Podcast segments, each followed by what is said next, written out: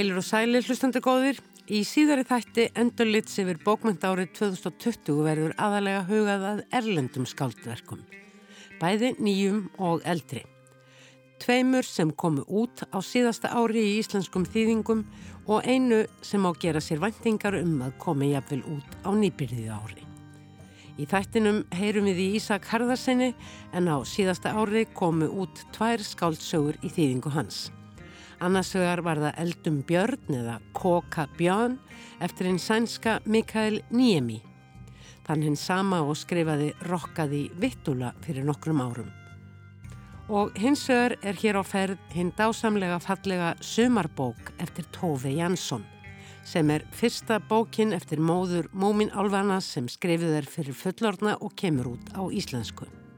Einning verður í þættinum hugaða breskri skáldsögu sem fór mikinn bæði á frummálinu ennsku og í þýðingum á fjölmörg tungumál á síðasta ári og mun íslensk þýðing þegar vera í undirbúningi. Ég er auðvitað að tala um skáldsöguna Girl, Woman, Others eftir breskari töfundin Bernadine Evaristo sem deildi mann búkarverlunum í oktober árið 2019 með Margaret Atwood sem hafi skrifað framhald af sögu þernunar.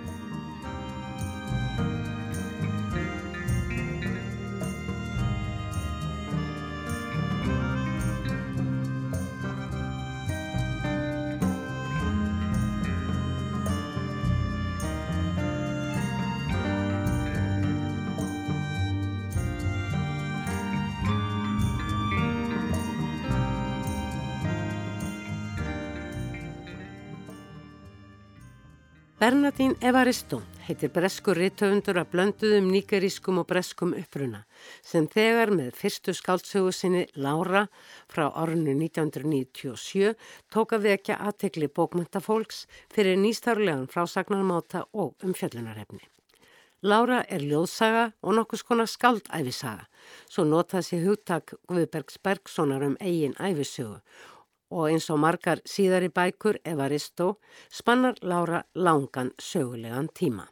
Sagan sem slík gerist þó að mest á sjönda og áttunda áratug síðustu aldar í London en hún tegið sig einning aftur til gengina kynnslóða sem áttu sitt líf á ymsum stöðum í heiminum líkt og áar Evaristo sjálfrar, nefnilega í Níkeríu, á Írlandi, í Þískalandi og í Brasilíu.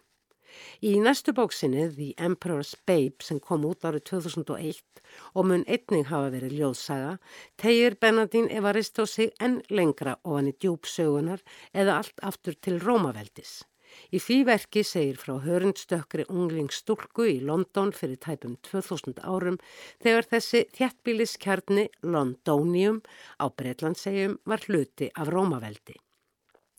Í vor var á þessum vettfangi rættum fjölmenningarbókmentir við Fríðubjörg Ingvarsdóttur, rektor Listaháskóla Íslands en einni bókmentafræðing og sagði Fríða þar frá skáldsögunni The Emperor Babe eftir Bernadine Evaristo. Súsaga er staðsett í London fyrir 2000 árum eða 1800 árum á tímum Rómverja. Það sem að eh, sko Lundunir eða Londonium eru sko miklu, miklu fjölmenningalegri staður heldur en eh, kannski Lundunir eru með þess að enn þann dag í dag. Og þá er það ríkjandi hörundstökkum aður frá Afríku sem er einn af landstjórum uh, Rómakeisara. Og það sem hún gerir í þessu verki er að hún uh, svona dregur fram þessar sterku samsvaranir á milli uh, sjálfsín og þess tíma sem að söguhetjan er uppi á á, á tímum Rómaveldis. Mm. Og þetta er alveg óskaplega vel gert hjá henni vegna þess að samsförunin er svo skýr og auðvitað er hún að varpa sinni menningu og sinni sjálfsvitund langt aftur í tíman með þessu og þetta er skáldskapur. En þetta er samt mjög svona áhugavert og ríkt umhugsunarefni fyrir okkur 2000 ánu setna sem að ímyndum okkur stundum að sko að kynþáttahyggja hafi alltaf verið við líði til dæmis og að hún sé eitthvað sem hafi bara fyllt okkur í eh, aldana rás og við getum ekkert spórna við. En hún bendir svo áþreifanlega á það að, að sko allt fer í ring og þetta eru mannanagjörðir og við ráðum við þetta sjálf. Það, er, það eru við sem að mótum samfélagsgerðina þetta er mjög svona pólitísk bók að, að því leitum við til. Og hún er líka að gera þarna sagt, skil hlutverki hvenna og mm. vitundinni, bæði listrætni hvern vitund og, og svo náttúrulega hvern hlutverkum. Þannig að henni tekst að slá þarna margar flugur í einu höggi á latínu skotnu tungumáli sem hefur sem sagt, mjög sterka vísunni í samtímaslangur og tvinnar þarna saman söguþráð sem að mér finnst vera alveg einstaklega vel hefnaður hvað var þar þessa fjölmenningalögur rödd og hún hefur náttúrulega verið að vinna á þessum nótum síðan í ekki síst þessari nýju bók sem að hún vann búkarinn fyrir í fyrra held ég á samt Margreti Atwood, það er unnið þetta saman sem heitir Girl, Woman, Other. Og þar er hún í raun og veru kannski að fjalla um margar kynnslóðir hvenna af þessum afríska uppruna, hún er að fjalla um diasporuna eða útbreyðslu uh, áhrifa uh, Afríku bara mm. í uh, viðaðum heim Í búkavelunabókinni Girl, Woman, Other fléttar Bernadín enn saman sögum frá ólíkum tímum, en nú nær okkur í tíma. Þeir eru tólf sögumennir eða allir heldur sögu konurna sem segja frá í þessari bók.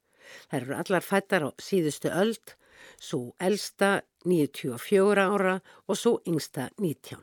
Það er búanar allar á Breitlandi og eru allar utan einn svartar á hörund, eða er hún það kannski líka undir niðri. Sumar hvernana þekkjast eða hafa tengst á einhverju tímaskeiði lífsins. Bókin skiptist í fimm kabla og inniheldur hver þeirra utan sá síðasti frásagnir af þremur konum. Þetta er eins og áðursæðu konur á ólíkum aldri og frá ólíkum stöðum í samfélaginu. Sumar búa í stórborg, aðrar í minnuborgum og einn er meirað að segja bondakona. Með lífsögun þessara kvenna dregur Bernadín Evaristo upp mynd af lífi hörnstökkara kvenna í Breitlandi síðustu hundrað árin um það byl. Líf sem fæst okkar þekkjum mikið til. Gömgefin sem snöggvast þær myndir sem alla jafna byrtast fyrir hugskótsjónum okkar þegar við lesum skáltsögu. Við sjáum fyrir okkur sögusvið sem yfirleitt tengist einhverju sem við þekkjum eða höfum séð á myndum. Personurnar sem aðtarna sig á þessu sögusviði hafa vestrænt yfirbrað, þóri ég að veðja. Nema er vera skildi að sögusvið bókarinnar sé Asia eða Afrika eða Rómanska Amerika. Ef sögusviðið er í vestrænu landi er þó líklegar að varla nokkur persona í áðurnemndri hugarmynd sé svört, brún eða gul. Bókin Girl, Woman, Other er beinlinni skrifuð þessum almennu og fastmótuðu hugmyndum til höfus. En í nýlegu viðtali sem Nicole Sturgeon, fyrsti ráðherra skosku þjóðarstjórnarinnar, tók við Bernadín Evaristo á nýjafstæðinni bókmyndaháttíði Edinborg og var streymt á heimasíðu háttíðarinnar, segir Evaristo að kveikjanar bókinni hafi einmitt verið hinn afhjópandi fjárvera svartra kvenna í breskum bókmyndum. Skrifin hefðu síðan undið upp á sig og hún hefði tekið að kanna ímislegt fleira sem tengdist þessari fjárveru og skiptingunni millir miðju og jæðars almennt. Þessi bók, saði Evaristó, grundvallast nefnilega á viðfangsefnum en hún hefði líka viljað miðla mörgum og ólíkum leiðum svartra kvenna í gegnum lífsitt í Brellandi. It was definitely a project to just try and create as many fictional characters who are an expression of black British womanhood as I could in a single novel because I wrote the novel because we're just so absent in British literature still today. And I started this book in 2013. It took five years to write. And then, and then through writing the women, then all these kind of life areas. I don't want to say issues because then a book sounds like an issue based book, but all these kind of life areas emerged. And so, you know, class became a thing because if you're writing about Bernardín Evaristo er dóttir verkamann sem var virkur í verkalýsreifingunni. Stjætt skiptir og í samhengi mismununar svartrakakvart kvítum miklu máli, sað hún í viðtalinu. Einnig menningalega rætur, sumar hvennan eru frá Afríku eða rekja ættir sínur þanga, aðrar rekja þær til Karabíhafsins. Sumar eru fættar í Breitlandi og svo eru amerískar konur. Kinn, kinnneið og kinngerfis líka máli, segir hún, upp á fjölbreytileikan og flæðið sem okkar tíma. And then sexuality came into it because I thought I don't want this to be a book about 12 straight women. So then a quarter of the women are on the queer spectrum. I have one character who is non-binary. Um, who begins as a woman and transitions to non-binary because that also felt that it would be sort of probably true to life and and all kinds of other issues and sort of varieties that I kind of threw into the book. Bernadine Evaristo doktoreraði í skapandi skrifum frá háskólanum í London árið 2013. Áður hafði hún lært leiklist bæði í Rose Bruford College of Speech and Drama og í Goldsmiths College. Það þarf því kannski ekki að koma óvart að í upphafs frásög skáldsögunar Stúlka, kona, hinn er einmitt leikrita höfundurinn og leikstjórin Amma aðal persóna. En einni koma þar við sögu dóttir hennar Jass og besta vinkonan Dominík auk fjölda annara persóna. Amma býr í Brixton og er liklega í kringum 60 ára á gömul. Hún er á leið á frumsýningu eigin verks í þjóðleikúsinu. Lengi framann að ferli sínum á síðustu áratugum síðustu aldar hafði hún lagt sig eftir sjálfstæðu og pólitísku leikúsi þar sem misrétti í samfélaginu undir okkur kvenna, ekki síst svartra kvenna og nöðsin og kerfisbreytingu var í forgrunni. Fadir ömmu hafði flúið frá Ghana nokkrum árum áður en hún fættist og kvænst breskri konu og á úlingsárunum þótti ömmu móður sín allt og þjónustu lunduð við karlrempuna sem henni þótti afrískur fadir sinn vera. Amma flytur enda ung að heiman og á þessum tíma er allt að gerast í Brixton hverfinu í London. En það er þekkt fyrir litrika markaðu og fjölmenningu og var á 8. og 9. áratöknum einnig þekkt fyrir að vera vettvangur margskonar pólitískra mótmæla. Þarna ægir saman alls konar hópum og ólík samlífsform eru leikin og æfð festa sig jafnvel í sessi og Amma tekur lífandi þátt í þessum hræringum með sínum hætti. Hún vil til að mynda alls ekki bindast neinum einum eða öllu heldur neitni einni, því Amma er lesbísk. Í stöttri frásögt tæplega 40 blaðsýður er með því að stikla í gegnum líf, ömmu, því líst hvernig Brixton hverfið breytist. Í raun tekst Benadín Evaristo í frásögninni af hverju konu fyrir sig að draga um leið upp mynd af því hvernig vestrænt samfélag breytist á síðustu áratugum síðustu aldar. Í raun kollsteftist það og það ekki bara í Brixton. Allt var meira flæðandi, samfélagið jæmt sem einstaklingarnir. Eða að það var einfallega að fara að draga markalínur í samfélaginu með öðrum hætti. Bókin gefur ekki svar við þessu, heldur reyfar þá upplaust við tekina gilda sem orðið hefur með auknu kvennfrelsi og kinnfrelsi svo eitthvað sé nefnt. Lesandanum er hins vegar látið eftir að greina einstaka þræði. Amma á hálfuppkomna dóttur Jass sem stundar háskólanám. Aðal samstarfskona ömmu og kannski stærsta ástin í lífið hennar að minnstakosti besti félagin, Dominík, er flutt til bandaríkjana af ástæðum sem lesandin fær fyrst í kaplanum sem fjallar um hana að vita hverjar eru. Á þeim tíma sem frásögnunum ömmu gerist með tilherrendi endurlitum er augljóst að sjálfstæðu pólitísku leikúsin í Brixton og annar staðar í London eru ekki lengur sveipur hjá sjón. Það hafði því komið ömmu verulega og óvart að fá bóð frá þjóðleikúsinu um að setja þar upp verk sitt The Last Amazonas of the Dahomey, síðustu skjaldmegar Dahomey og myndar frumsynning þess verks eins konar frásagnar ramma þessar fyrsta kabla og reyndar kannski bókarinnar allar því all flestar personana sem lesandin á eftir að kynnast mæta á þessa frumsynningu. Aðstæður ömmu sjálfrar hafa og ekki síður breyst en Brixton hverfið þar sem hún á ungdóms árum hóf sína sjálfstæðu tilveru. Hún býr þar vissulega ennþá en nú í eigin íbúð á samt dótturinni en hvort tvekja húsnæðið og barnið tengjast fráfalli foreldra hennar. Arfurinn eftir þau gerðinni kleifta að kaupa lítið hús og um svipaleiti held tók hana svo brennandi ósk að egnast barn. Góður hombaðinur, virtur doktor í nútímafræðu með háskólinn í London og í föstu sambandi var reyðubúin til að vera fadur barsins og allt gekk vel. Amma gerði allt sem hún gaf til að ala dóttur sínu upp til sjálfstæðis í skoðunum og þær skoðanir skildu vera feminískar. Það gekk kannski ekki upp nákvæmlega eins og hún ætlaði en hún saknar dóttur sinnar nú og vonar að dótturinn öfugt við hana sjálfa muni snúa aftur heim til móðurinnar eftir háskólanámið en það gera aðstæður nýfrjálfshyggjunar að verkum að fæst ungt fólk hefur efna á að flytjað heimann. Í kaplanum um Jass fær lesandin svo hennar hlið á sambandinu við móðurina sem og föðurinn Róland Við kynnumst í þeirri frásögn og háskóla klíku jazz á sama tíma og hún sjálf. Þetta eru stelpur sem koma víða að, einn úr hræðilegum aðstæðum í Sómalíu, önnur er að forréttinda fólki frá Egiptalandi og svo er þarna líka Kortnei, föl, sveitastelpa frá Suffolk sem hafiði aðeins einu sunnu æfinni komið til London áður en hún hóf háskólanámsitt þar. Í kaplanum Dominik kynnust við svo ultrafeminísk lesbískri kvennanýlendu á vestuströnd bandaríkjana en líka samvinnu og hjálpsemi kvenna. Þó það hafi verið ástinn sem dró Dominík til bandaríkjana fer það ástaræfintýri ekki vel. Valdnýsla og ofbeldi á sér ekki bara stað í gagkinnhegðum samböndum. Allt er þó gott sem endar vel og Dominík nær í bandaríkunum fótfestu í því sem hún kann svo vel, nefnilega að skipulegja menningarviðburði og abla þeim fjár og aðtikli. Við það hafði hún á sínum tíma unnið með ömmu í Brixton en nú er vettvangur hennar Los Angeles og jafnvel heimurinn allur.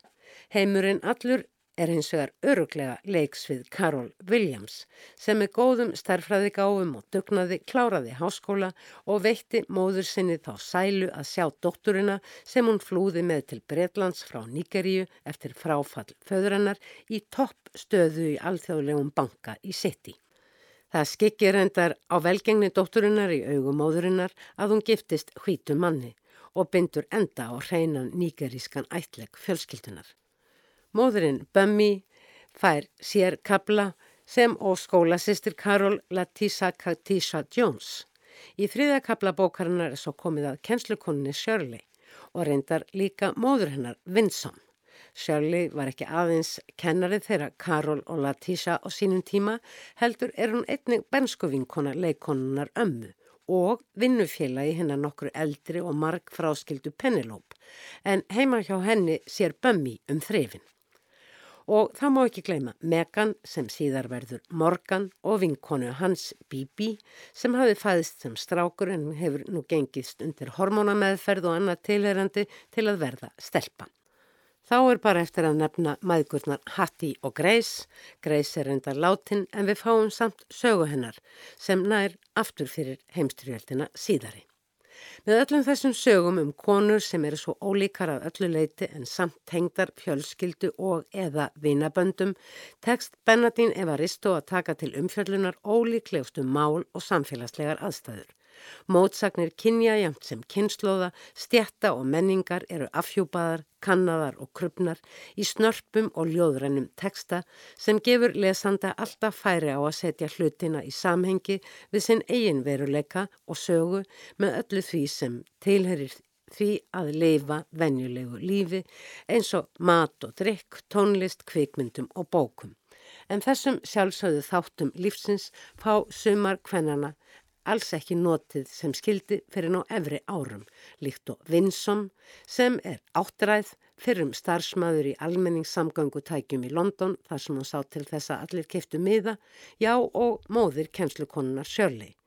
Vinsom hefur sest að á Barbados þar sem betur má lifa á bresku ellilaununum og þar hefur henni verið bóðið að vera með í lesring.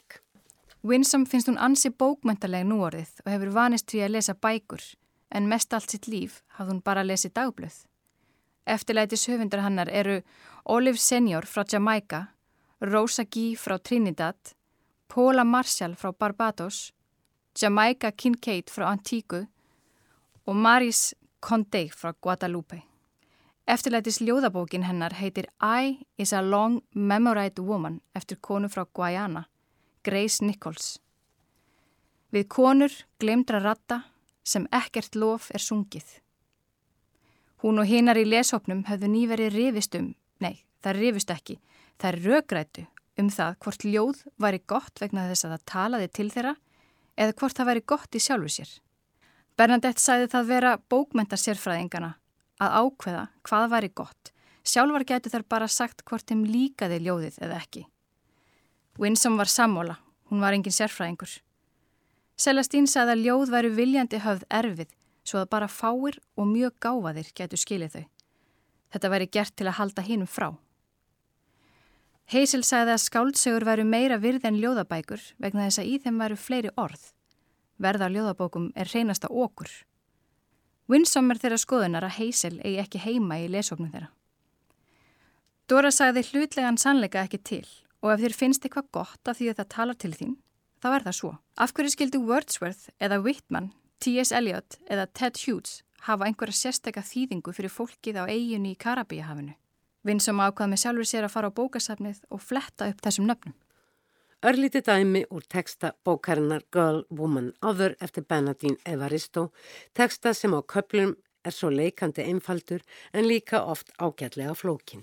Enda mótsagnirnar í umfjöllunarefninu margvíslegar og greinilegt að höfundur er vel að sér í feminískum fræðum og nýjum hugtökum í misréttisfræðum ef svo má orði komast eins og samþættingu mismunabreita sem vísar til fjölbreytileika þeirra staðrinda sem liggja til grundvallar mismunun og má í því samhengin nefna til að mynda búsettu, kyn, kynneigð, skoðanir alls konar menningu, stjætt, trúabröð og svo framvegs. Leiðarstefið í þessari bók er þó að mér virðist samband móður og dóttur. Feður koma líka við sögu en hér eru konurnar í forgrunni og allar velja þessar svörtu mæður að dætrunum vegni vel í lífinum. Ráleikingar svartra foreldrana í umhverfi kvítra eru reyndar oft kunnulegar. Mikilvægi mentunar er eitt Ef þér finnst fólkið í nýju vinnunum lítaði hortnöga, startuði þá betur. Ef starfið er synd af nattni og vandvirkni verður það ánægulegt. Ekki berja á móti heldur hlaupa.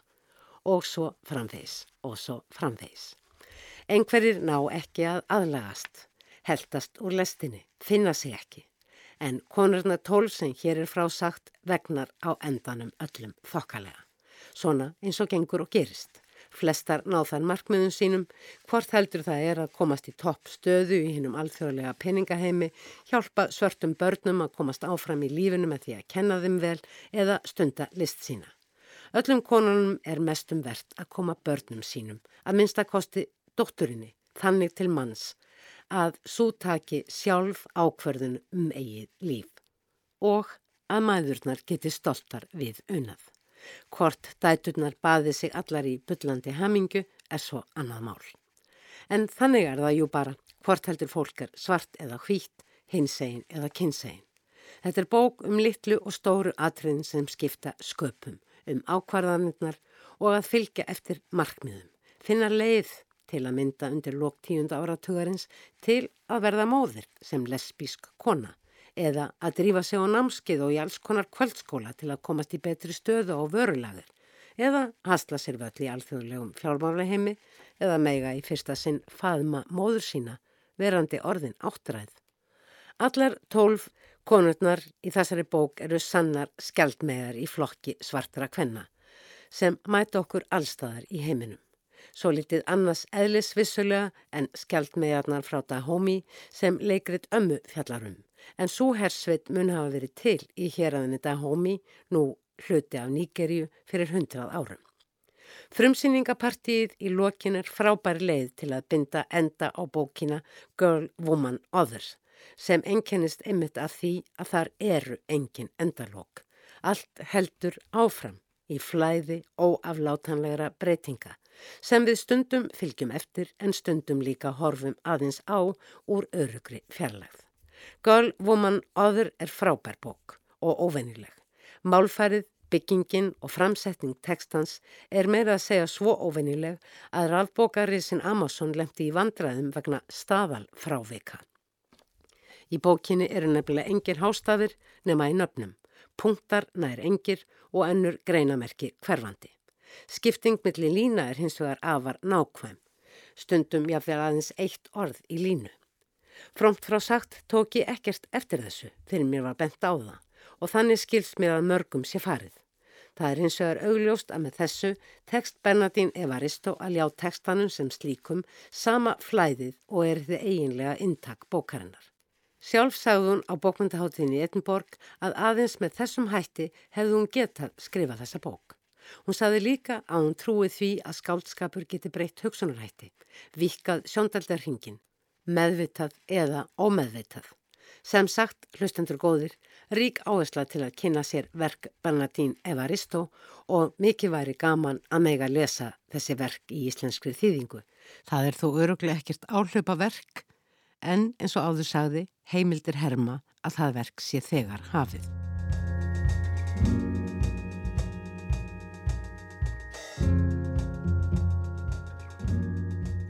Margir muna eftir ólíkinda sögunni Rokkaði í Vittóla eftir Mikael Niemi sem kom út í þýðingu Páls Valssonar fyrir allmörgum árum. Eldum Björn eftir sama höfund er af allt öðrum toga. Landfræðileg staðsetningssögunar er reyndar á sömu slóðum í Finnmörku, nýrst í Svíþjóð og heimabær Niemis sjálfs Pajala þar sem hann enþá býr og skapaði umgjörðina í Rokkað í Vittóla er ekki langt frá landbúnaða þorpinu Kengis. Sögu svið þessar að tvækja skáldsagna er hins vegar ger ólíkt. Rokkaði í Vittula er samtímasaga síns tíma en tímarami sögunar Eldum Björn er með 19. öldin. Nánar tiltekið árið 1852 þegar trúarreyfing lestadianismans er í hvað mestri uppsveiplu en sætir samtímis mikilli gaggrinni. Og nota bene, Eldum Björn er ekki saga um Björn, heldur saga um glæp alvarlegan glæp, morð, þjófnað og nauðgun, en líka glæpsamlegar aðstæður fólks vegna stjertskiptingar og almennrar fáfræði. Og hér er beitt vísendarlegum aðferðum, hvort heldur við rannsókn glæpa eða skoðun jurta og grasa, auk þess sem nýjum hugmyndum um manneskuna og samfélagi sem voru á þessum tíma að riðja sér rúm er hent á lofti en sjálfur höfuð Paur og höfundur Lestadianismans, Las Levi Lestadius, er önnur aðal söguhetja bókarinnar. Hinn er lappastrákurinn Jussi sem presturinn les upp í vegkanti og tekur til sín, kennir að lesa, skrifa og hugsa í tímans vittum og út frá bláköldum staðrindum, þess sem augað sér og eirað nemur. Þetta er myrk bók um myrka tíma rétt áður en upplýsingin og hugmyndir um jafn réttháar manneskjur nær svo langt til norðurs sem Finnmörk er. Hinn bókin sem Ísak Harðarsson með þýðingastarfi sínu veitir íslenskum lesendum nú aðgangað er öllu bjartari. Heitir enda Sömarbókin og er eftir Tófi Jansson. Sannarlega komin tími til að útkæma á íslensku einhver bókana eftir Mómin Alva uppfinningakonuna sem hún skrifaði fyrir fullorna. Það var ekki fyrir í kringum áru 1970 að Tófi Jansson sem þá var komin á 60 aldur og múmin álvarnir löngubúnir að tryggja sér og henni sess í bókmyndasögunni tók að senda frá sér bækur ætlaðar fullortnum. Nóvelan Sumarbókin er önnur af tíu bókum hennar frá þessu tímabili og svo besta, segja margir og svo mikið er víst Sumarbókin er dásamleg bók. Hún segir frá Sofíu, pappaðinnar og ömmu sem eru einmitt móðir Tófi Jansson sjálfrar, bróðir hennar og bróður dóttir. Þetta eru ólíkar bækur Ísak Harðarsson en eiga þó sett hvað sammeðinlegt í samhengi þýðinga en skandinavísk náttúra til að mynda gegnir vega miklu hlutverki í texta begja bókana.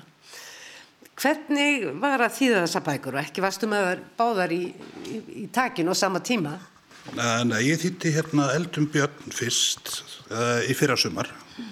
og svo tók ég til við sumarbókina minni mig í september og þegar þú minnist á skandinaviska náttúru þá er hérna, þá er hún í báðum bókonum að sjálfsögðu og ég er ekki frá því að, að, að þessi náttúra sé einn svona uppáhaldspersona mín í báðum bókonum. Mm að því að e, báður höfundar hafa, svo, hafa einstakt lag á að gera náttúrunar bara sko draga hann upp þannig að hún verður ljóslifandi fyrir manni og maður er, bara, maður er á staðnum í báðum bókunum.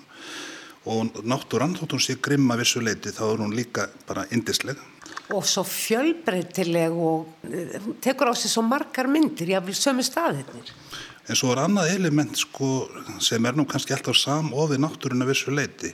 Annað element að minnstakosti í sumarbókinni, hún er svo tímalus og e, hún getur gerst hvena sem er. Mm. E, þessar litlu sögur sem er myndað þessa bók, Amman og Sofía á samt pappanum sem kemur lítið við sögu, það eru náttúrulega stattar á eigu í mm. finska skerregarðinum og þar getur verið hver sem er. Og þær eru í rauninni svolítið í fríi eða hafa stíið út úr heinu svona venjulega lífi. Þær búa vendarlengstar í borginni, þær eru í sömardvöl á þessari eigu sinni þanga sem að fjölskyldan greinilega hefur komið í áravís alltaf á hverju sömri. Byrja á því að fara í bað, fara í morgunbað, fyrsti kaplinn heitir held í morgunbað og svo endar það með því þegar það verður að ganga frá blómapottunum og, og setja hlera fyrir glukkana. Alveg rétt. Þetta byrjar svona snemmað voru, einhvern veginn, þótt að hérna það sé engin svona, það er ekki línulegur, uh, línuleg framvinda sko tímanlega í, í bókinni þannig lagað og svo hérna eru þær að búa sig undir að hvaðja eiguna að hausti og uh, ég veit það allavega um Tófi Jansson að uh, mikið hluta æfinar þá bjóð hún einmitt á eigu eða eigum í finska skerjagarðinum mætti þánga snemma vorin og, mm. og fór sendað hösti og hérna en hefur líklega verið á meginlandinu hérna mm. yfir veturinn sko. Það sem ég fannst líka svo aðtiklisvert við þessa bók og dásamlega fallegt fyrir utan eh, beinlinni sambandi millir ömmunar og stúlkunar það er þessi, uh, þessi ræktun sköpunar, ég vil segja, aflsins í þessari bók. Það er í rauninni tekið á öllu sem að upp kemur, hvort sem það eru spurningar um tilgang lífsins eða spurningar um uh, vináttu eða parti sem maður missir af eða, eða vesalingsskorkvikindin sem maður er, er stöðut að svifta lífi uh, óavitandi með því að slæma burt flugu eða, eða stinga í sundur ánamaðk. Það er alltaf tekist á við þessa, þessa hluti sérkvært módlæti þá hefur amman það ráð þar að segja sögur, tekna myndir eða eitthvað þýjumlíkt. Sömarbókin, hún, hún lætur óskaplega, óskaplega lítið yfir sér en þetta er einhvern veginn bara bókum svona lífið og dauðan mm. og e, personurnar þarna, amman og ömmustelpan, hún Sofía Bókin fjallar aðalega um samskipti þeirra og, og samtöl og, og hvað þeir eru að baralla svona saman og, og þær eru þarna bara fulltrúi lífsins. Það, þarna mætist sko æskan og ellin, e, sagleysið og reynslan frekjan í, hérna, í stelpunni og svona hún stappar stundum í gólfið og orgar bara. Vissulega. Og svo, og svo svona hérna yfirvegunin sem amman hefur reynd að temja sér yfir aðvina og, og sjáðu bara sko það læti, læti svo lítið yfir sér en innihaldið er einhvern veginn svo djúft eins og bara, svo ég nefndi bara fyrsta kaplan þannig að morgunbað.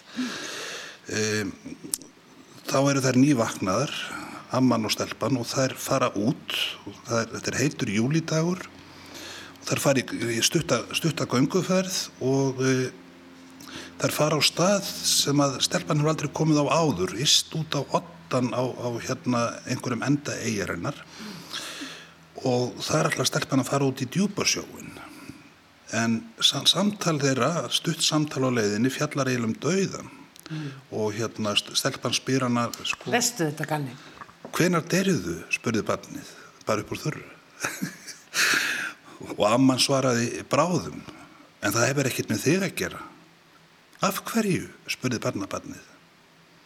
Og svo gangaði þetta á ottan, hvort þeirra í sínum þöngum sko, og stelpan er smeg við djúpasjóin, en amman er að hugsa um annan djúpan sjó sem býður hennar.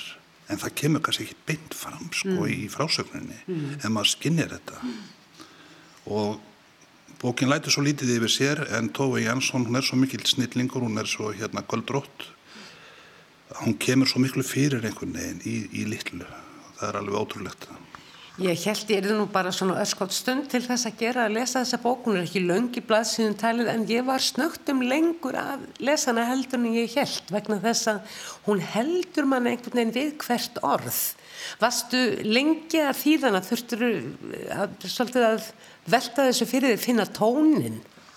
Jú, veistu það, það komur á óvart. Þegar ég fekk handrítið í hendurnar á sænskunni mér fannst þetta svo stutt því ég hugsaði með mér ég er það lengi að þessu en það var á hinnu veginn sko vegna þess að Þetta er svo einfalt og hvert orð einhvern veginn svo meitlað að ég þurfti virkilega að hæja á mér í huganum og veita hverju setningu mm. verðskuldaða aðtegli og sinnenni virkilega vel sko.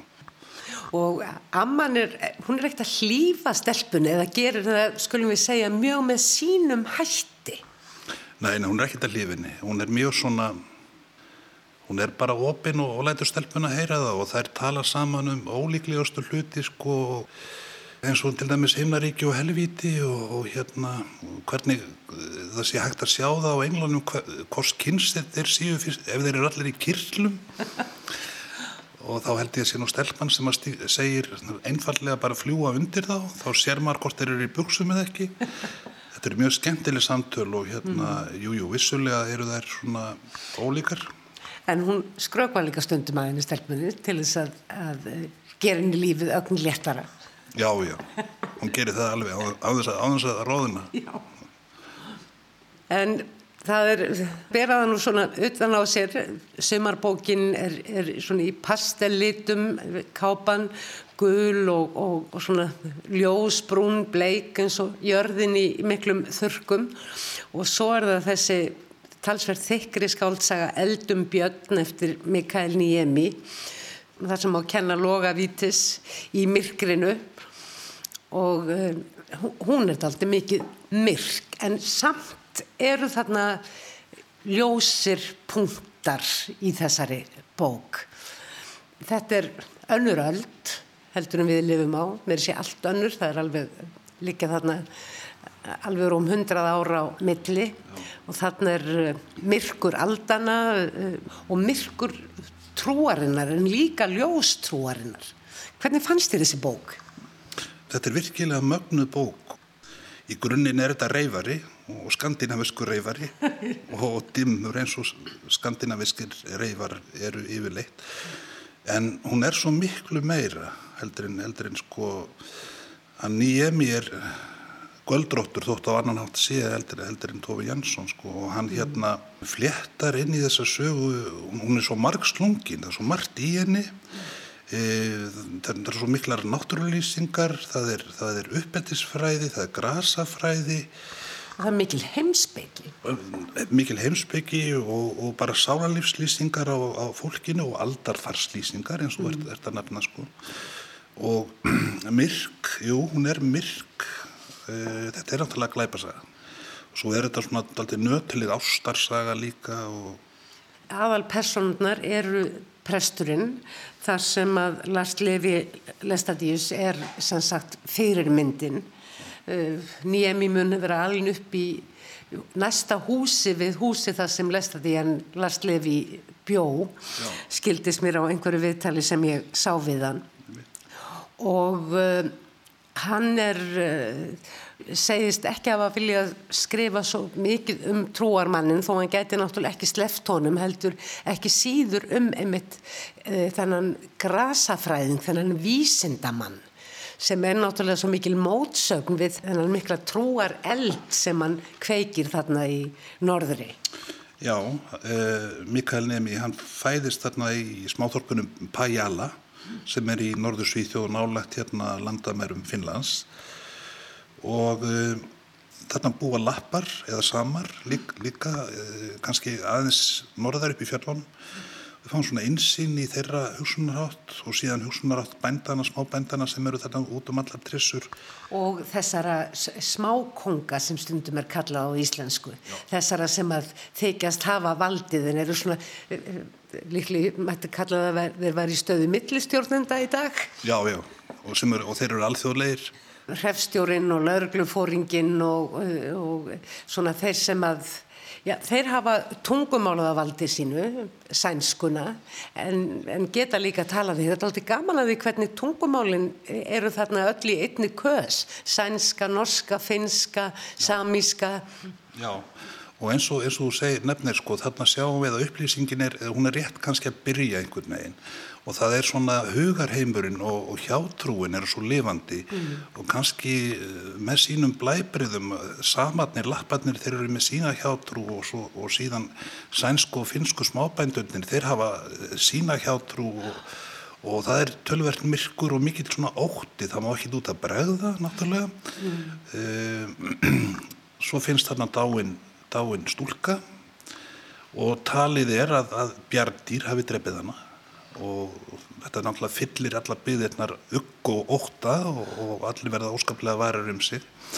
En það er svo margt í þessu eins og þú nefnir sko presturinn, hann er svona fulltrúi bæði trúarinnar og þeirra trúarsöðu myndum kannski kalla jákvæð og víðsýna. Mm. hún, er, hún er vissulega til en einnig svona vísindalegar upplýsingar og hann er mikil grasafræðingur til dæmis mm. og, hérna. og var það vist bara já, í alvörunni og, og, og skráður í heimildir fyrir staðfesting og ymsum plöntum þarna á norður hjara en hann er óvinnsall á ymsum stöðum presturinn og aðalega vegna þess að hann er að berjast gegn brennivinstrykkjunni sem að er hérna sem eh, virðist vera landlæg þarna og e, fólk verið strekka illa og, og, og e, mikill auðmikið skapar henni samfara sko, hann berst gegn henni og verður töluvert ágengt. Þannig að e, svona vertarnir þeir missa tekjur og þeir eiga vini á aðri stöð Það eru hagsmunir. Það eru hagsmunir, já, já, já En e, það sem sittur eftir í mér svona eftir að þýtt þessa bók og verið, verið svona í félagskap við hann í nokkra mánuði sko það er, það er óskaplega lifandi lýsingar bæði á prestinum, Lars Levi og drengnum, Jussa mm. sem að hérna hann e, rekst á, á, á vergang frá fóröldunum sínum sem verðast að fara illa með hann. Presturinn finnir hann á förnum vegi og tekur hann að sér og elar hann upp, kennir hann um að lesa hann við... skráir hann í kirkjubók og þar með er hann orðin til. Og þetta er einhvern veginn gegnum gangandi gegnum alla bókina. Þetta að skrásetja, þetta að skilgreina að þar með eru hlutir orðnir til. Prestunleikur mikið upp úr því að, að skrifa niður. Einmitt, einmitt, þetta er hérna Þannig ferum við að upplifa sko, umhverfið í bókinni með augum drengsins. Fyrst er hann bara, hann er bara fákunandi og kann ekki neitt og veit ekki neitt og er döður, döður hættur við allt og alla. En já, presturinn kennur hann um að lesa og það er uppgötar drengurinn alveg nýjan heim og uh, nýjemi lýsir þessu svo lifandi hátt að maður sér þetta allt fyrir sér einhvern veginn. Mm. Mjög skemmtilega. Bókin var jú valinhildi bók ársins árið 2017 árið sem hún kom út í Svíðsjóð og þetta er, þetta er, það er hraður taktur í þessari bóka mörguleiti. Það er svo margt sem er að gerast. Við höfum eh, minnst á, á bændurna og drikkjuskapin, það er kirkjureknin, það eru þessir eh, löngu göngutúrar og samtöljussa við, við prestinu, þetta heldur prestsins við jussa. Og svo er það náttúrulega þessi rannsók sem að á glæpamálunu því að það er ekki bara eitt morð framið, það eru fleiri morð uh, framinn, jáfnveil eftir að björnin hefur verið feldur svo það er nokkuð ljóst að annarkort eru mjög margir byrnir eða Eh, eða þá að Björn hefur alls ekkert komið nálægt þessu. En hann tekur svona stef eiginlega úr gömlum uh, svona klísjukent stef þetta með sko rannsóknarlauruglumann og aðstóðamann hans já, já. þannig svona setur hann rannsóknuna fram hvernig grasi var bælt og hvernig áverkar er á líkinu og mm. hvaða skorkvíkind er á sveimi og svo framvegis og, svo, og framvegis vissulega það margt í þessari bók og presturinn og Jussi þeir minnaði mitt ansið mikið á Sherlock Holmes og, og Dr. Watson Já. þegar hérna þegar þeir eru á afbróta vettvangi að, að kanna hlutina sko mm. mjög skinsamir og mm. svona nákvæmir sko En um leið er þetta náttúrulega mjög óhefbundin glæpasaga og snýst í rauninni kannski meira um að lýsa svona öllum í samfélaginu og það er þarna mjög mikið ofbeldi og nánast bara ógeðslegt. Mér var það eiginlega alveg um og ó og ég var eiginlega hissa þegar ég fór að lesa gaggrínu um bókina svona í ellendum, á ellendum netsíðum að það er lítið talað um þetta ofbeldi. Já, það er virkil, virkilega hérna nokkru kaplar í bókinni þar sem að ofbeldið er yfirgengilegt sko og eh, enda lítur ofbeld alltaf að vera ógeðslegt sko. Mm. Um, en eh, Mikael Niemi hann hefur bara viljað hafa bókina krassandi og hann hefur viljað hafa gaman á að skrifa, skrifa hana þannig hún er, og hann á allt annað er hún spennandi og heldur manni alveg við efnið, maður verður aldrei leiður einhvern veginn. Og þeir eiga eh, vissulega sambúðmanns, eh, ekki síst þessir, þessir tveir og eiginkonan, skemmtilegt hennar hlutverk. Þau eru jú sögð nánast eins og þau séu gömul en þau eru ekki nema bara rétt rúmlega 50. Já, hún er svona ljóslefandi fyrir manni, hérna eiginkona pressins, Britt Kæsa. Já. Já. Það er kraftur í henni kellingunni og hérna og hún er svona með í diskussjóninni og kemur, það kemur svona annað sjónarhótt inn í uh, samtölinn þarna í byggðarlæðinu og maður trúir þessu þessari bók svona daldið svona sem aldarfarslýsingu sko Mm. og hérna nýjemi hefur örgla við að það sér alls konar upplýsingum áður áður en hann laðist í að skrifa þetta og, og sí, síðan náttúrulega þekkir hann andrúsloftið þarna frá sínum gamla heimabæ og svona Mm. náttúruna þarna og þannig að honum, hann á frekar auðvelt með að gera þetta lifandi fyrir manni sko. Mm. Þú hefur, hvað mér syndist ég sjá, það var einhvern tíman bara á, kannski á tíund ára til síðustu aldar að þú þær að senda frá þér eiginlega reglulega tvær til þrjár þýðingar á ári hverju. Hvað kom til? Er þetta bröðstritt eða finnst þetta gaman? Mér finnst þetta virkilega gaman og mér finnst þetta svo gaman að þegar ég hérna, hef ekki þýtt bók í einhver tíma þá fer ég að finna fyrir einhvernum frákarsengjanum sko. ég er einhvern veginn háður þessu að vinna, vinna með texta og mér finnst bara að sjálfsögðu finnst mér væn, vænstum að fá svona bitastæðar bækur eins og þessar tvær sem eru indislegar bækur sko. En ég hef viljað þýtt hvað sem er og hérna tel mér trúum að ég læri af öllum texta sko og mér finnst ég alltaf vera sko ég fæ nýjan text í hendurnar, nýja bók sem ég á að þýða. Og þá finnst mér eins og textin sé einhver svona líkami. Og ég sé flík svona ný flík eða, eða, það sé verið að prjóna mig. Og ég verð að laga mig að líkamannum einhvern veginn. Þannig að sko textin tekur alltaf svona það er alltaf, ég segi ekki að takja mér völdin en ég verði einhvern veginn svona að lútónum á vissu leiti en að öðru leiti þá er þetta bara skemmtileg, skemmtileg svona glíma sko. Þetta er samneiti og samvinna. já, þetta er það, þetta er það. Ég get alveg týnt mér í þessu sko, þess, þess vegna. Notarðu mikið orðabækur? Alveg töluvert sko, já já. Og það eru náttúrulega orðabækur á netinu sem auðvelt er að komast í. Þannig þetta er allt við hendina svona sko. Og uh, ég spyrst líka fyrir ég, ég þekki til dæmis fólk í Svíþjóð. Ef ég lendi í svona miklu vandræðum þá spyrst ég fyrir og mm. reynir bara við að mér upplýsingum sko. Ertu aðalega þýða úr sænsku eða norrlandamálum en hefur ekki líka þýtt úr ennsku?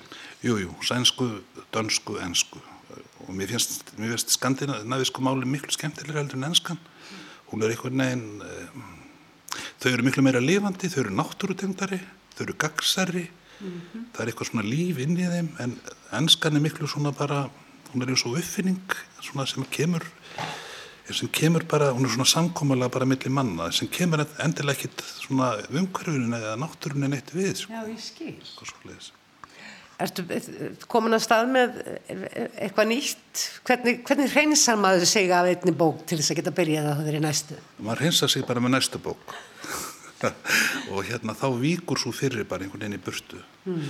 Jú, jú, ég tek mér yfirleitt kannski einhverja vikna hlýja á milli mm. og, og ég hef bara verið mjög gæfusamur, forlægið hefur verið mjög örlátt á verkefni fyrir, fyrir mig sko mm. og Nún er ég í nokkura vikna hliði og ég er svona að reyna að skrifa eitthvað frá eigin brústi. Það sapnast þú eitthvað fyrir líka svona mm. frumsamið. Sko. Hvað er, var það ekki 2018 sem að eftir snertur að yfirsýn kom út? Jú, 2018. Jú, jú, hitti fyrir. Þú sjáum bara til hvort það verður eitthvað í höst eða mm. ef ekki þá bara næsta höst. Og er þetta þá yfirleitt ljóð, þú er aðalega haldið, þú ert ljóðskald í, í sag, fyrst og fremst. Þú er skrifað sögu Já. en flestar af þínum hvað, eitthvað á annan tögbóka eru ljóðabækur. Já, já, 11 ljóðabækur af líklega 14-15 frumsöndum bókum sko mm. eh, en nú er ég að vinna svona jöfnum höndum að smásögum og ljóðum. Spennandi. Og sjá bara hvort það kemur eitthvað út úr því eða ekki sko. Mm -hmm. En mér er samt farið að klæja eftir, að, eftir næstu þýðing. ég skil. Þetta eru góður félagar. Virkilega, já, já. Ísak Harðarsson takkaði kærlega fyrir spjallin, það var skemmtilegt. Takk sem við leiðis. Fleiri verða orðum bækur ekki að þessu sinni. Takk fyrir að hlusta, verði sæl.